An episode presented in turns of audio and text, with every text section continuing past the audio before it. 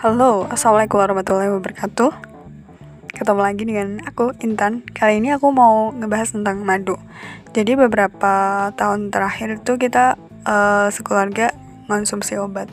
Ya bukan gak sering sih, tapi mungkin lebih agak teratur dibanding beberapa tahun sebelumnya dalam mengkonsumsi madu um, salah satu yang melatar belakangnya itu ya agar ya ada dapat informasi kalau sebenarnya kalau konsumsi madu kamu bakal nggak gampang sakit kayak gitu. Um, aku pun penasaran sebenarnya itu apa sih kandungannya madu dan seberapa kerennya sih madu. Jadi aku membaca jurnal um, judulnya so judulnya honey eh gimana bacanya pokoknya judulnya madu. Itu ya jadi makanan tunggal yang mempunyai banyak uh, kegunaan untuk mengobati. Ini jadi dari Saudi Journal of Biological Science tahun 2017 jadi uh, eh, 2017 dia mengatakan kalau enam tahun la yang lalu itu mulai ditemukan kalau madu itu digunakan untuk digunakan sebagai obat karena beberapa uh, laporan mengatakan kalau sebenarnya banyak kasus pasien atau penyakit-penyakit yang resisten terhadap obat. Jadi resisten itu tuh maksudnya dikasih obat tapi enggak ngefek kayak gitu. Jadi banyak kasus resisten obat. Jadi ditelitilah uh, di sini sebenarnya bilang juga kalau ternyata manfaatnya tuh banyak banyak banyak banget. Ada enam. Sebenarnya ada kayak uh, kandungannya madu itu apa saja terus gimana mekanismenya tapi aku gak tertarik dengan itu. Aku tertariknya langsung ke manfaat. Karena mumet juga sih. Yang pertama yaitu untuk mengobati penyakit infeksi jadi, uh, Meo dan teman sejawatnya melaporkan bahwa madu memainkan kunci dalam perkembangan pengobatan modern. Kualitas nutrisi dari madu adalah mempunyai efektivitas yang tinggi. Uh, jadi dia tuh bisa melawan reaktif oksigen spesies nggak tahu apa itu peradangan, dan penyebab infeksi seperti bakteria, jamur yang dengan baik mengurangi batuk, luka bakar.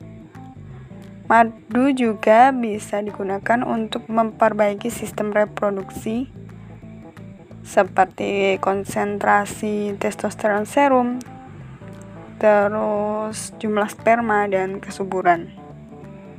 Jadi di di sini tuh penyakit infeksi secara umum kayak gitu ya. Yang kedua yaitu antibakteri. Ya kemarin kan aku kayak baca tentang antibakteri. Ternyata ada satu madu yang dia tuh diteliti bisa me, me apa ya membunuh oh bukan membunuh sih melawan 60 bakteri. Keren banget kan? Dan aku lihat bakterinya apa saja tuh kayak uh keren banget. Dan harganya ajib. Karena karena beberapa manfaatnya. Jadi kayak harganya ya sebanding lah. Um, nanti aku kasih tahu madu apa itu.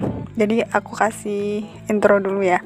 Tahun 1982 pertama kali dilaporkan kalau madu itu punya anti mikrobakteri yang paling terkenal sebagai antimikrobakteri adalah madu manuka. Nah, ini dia yang aku bicarakan. Jadi madu manuka ini dia bisa ngebun eh ngebunuh ngelawan 60 bakteri jahat.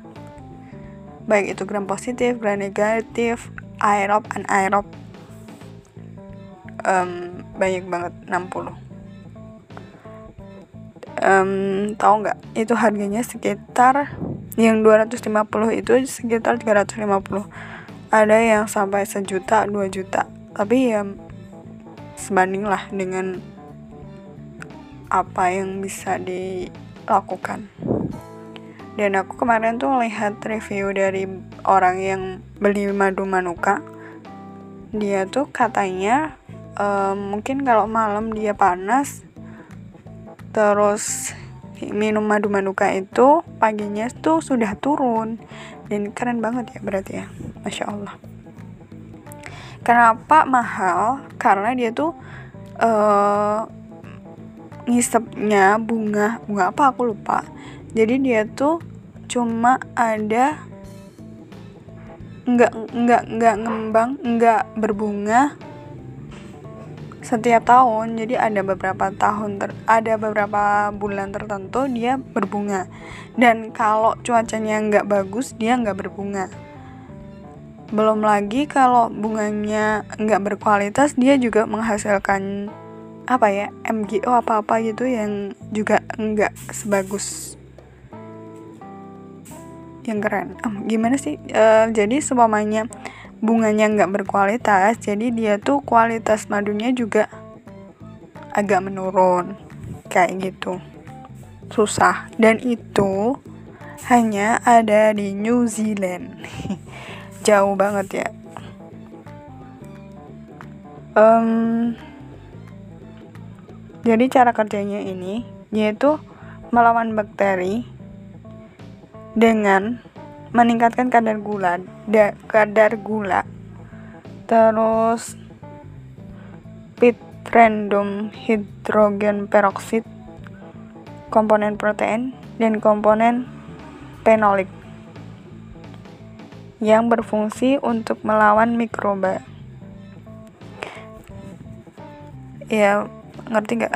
Jadi beberapa zat yang aku sebutkan itu diprediksi memang sebagai uh, alat yang digunakan untuk melawan bakteri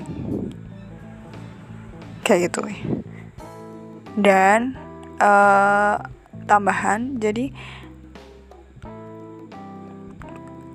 enzim glukosa terus enzim lisosim sama yang terakhir itu protein yang ada di dalam madu itu juga digunakan untuk melawan bakteri.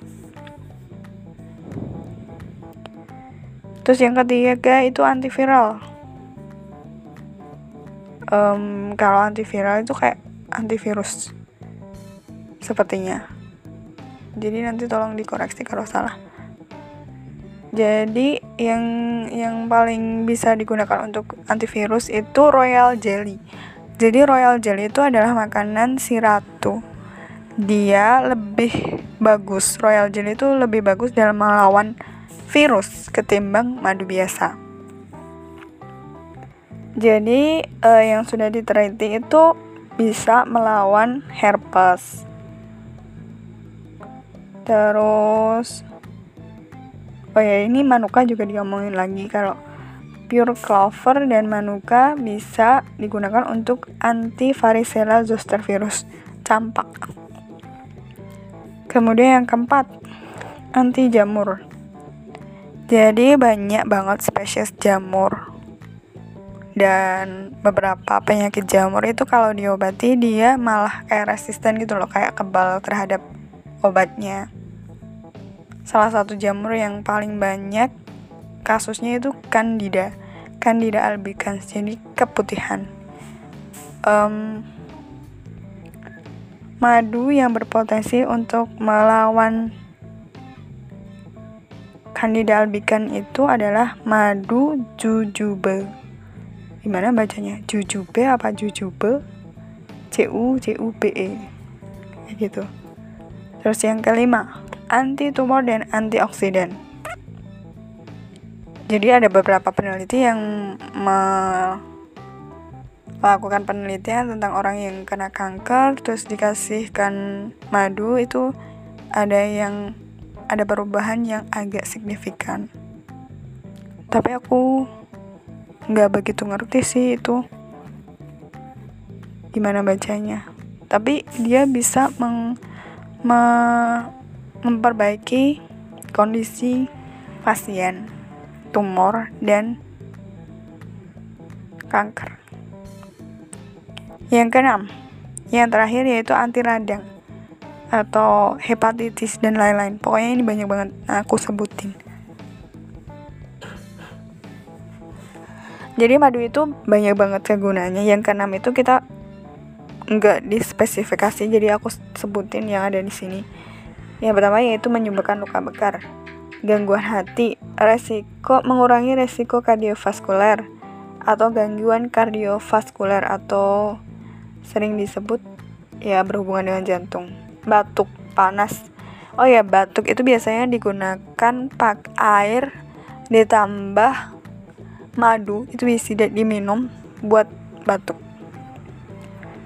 panas DM koles DM itu diabetes mellitus gula atau penyakit gula kolesterol penyalahgunaan alkohol dan konstipasi serta alergi. Banyak banget kan mungkin itu yang aku bisa sampaikan. Semoga bermanfaat. Tolong koreksi kalau salah. Wassalamualaikum warahmatullahi wabarakatuh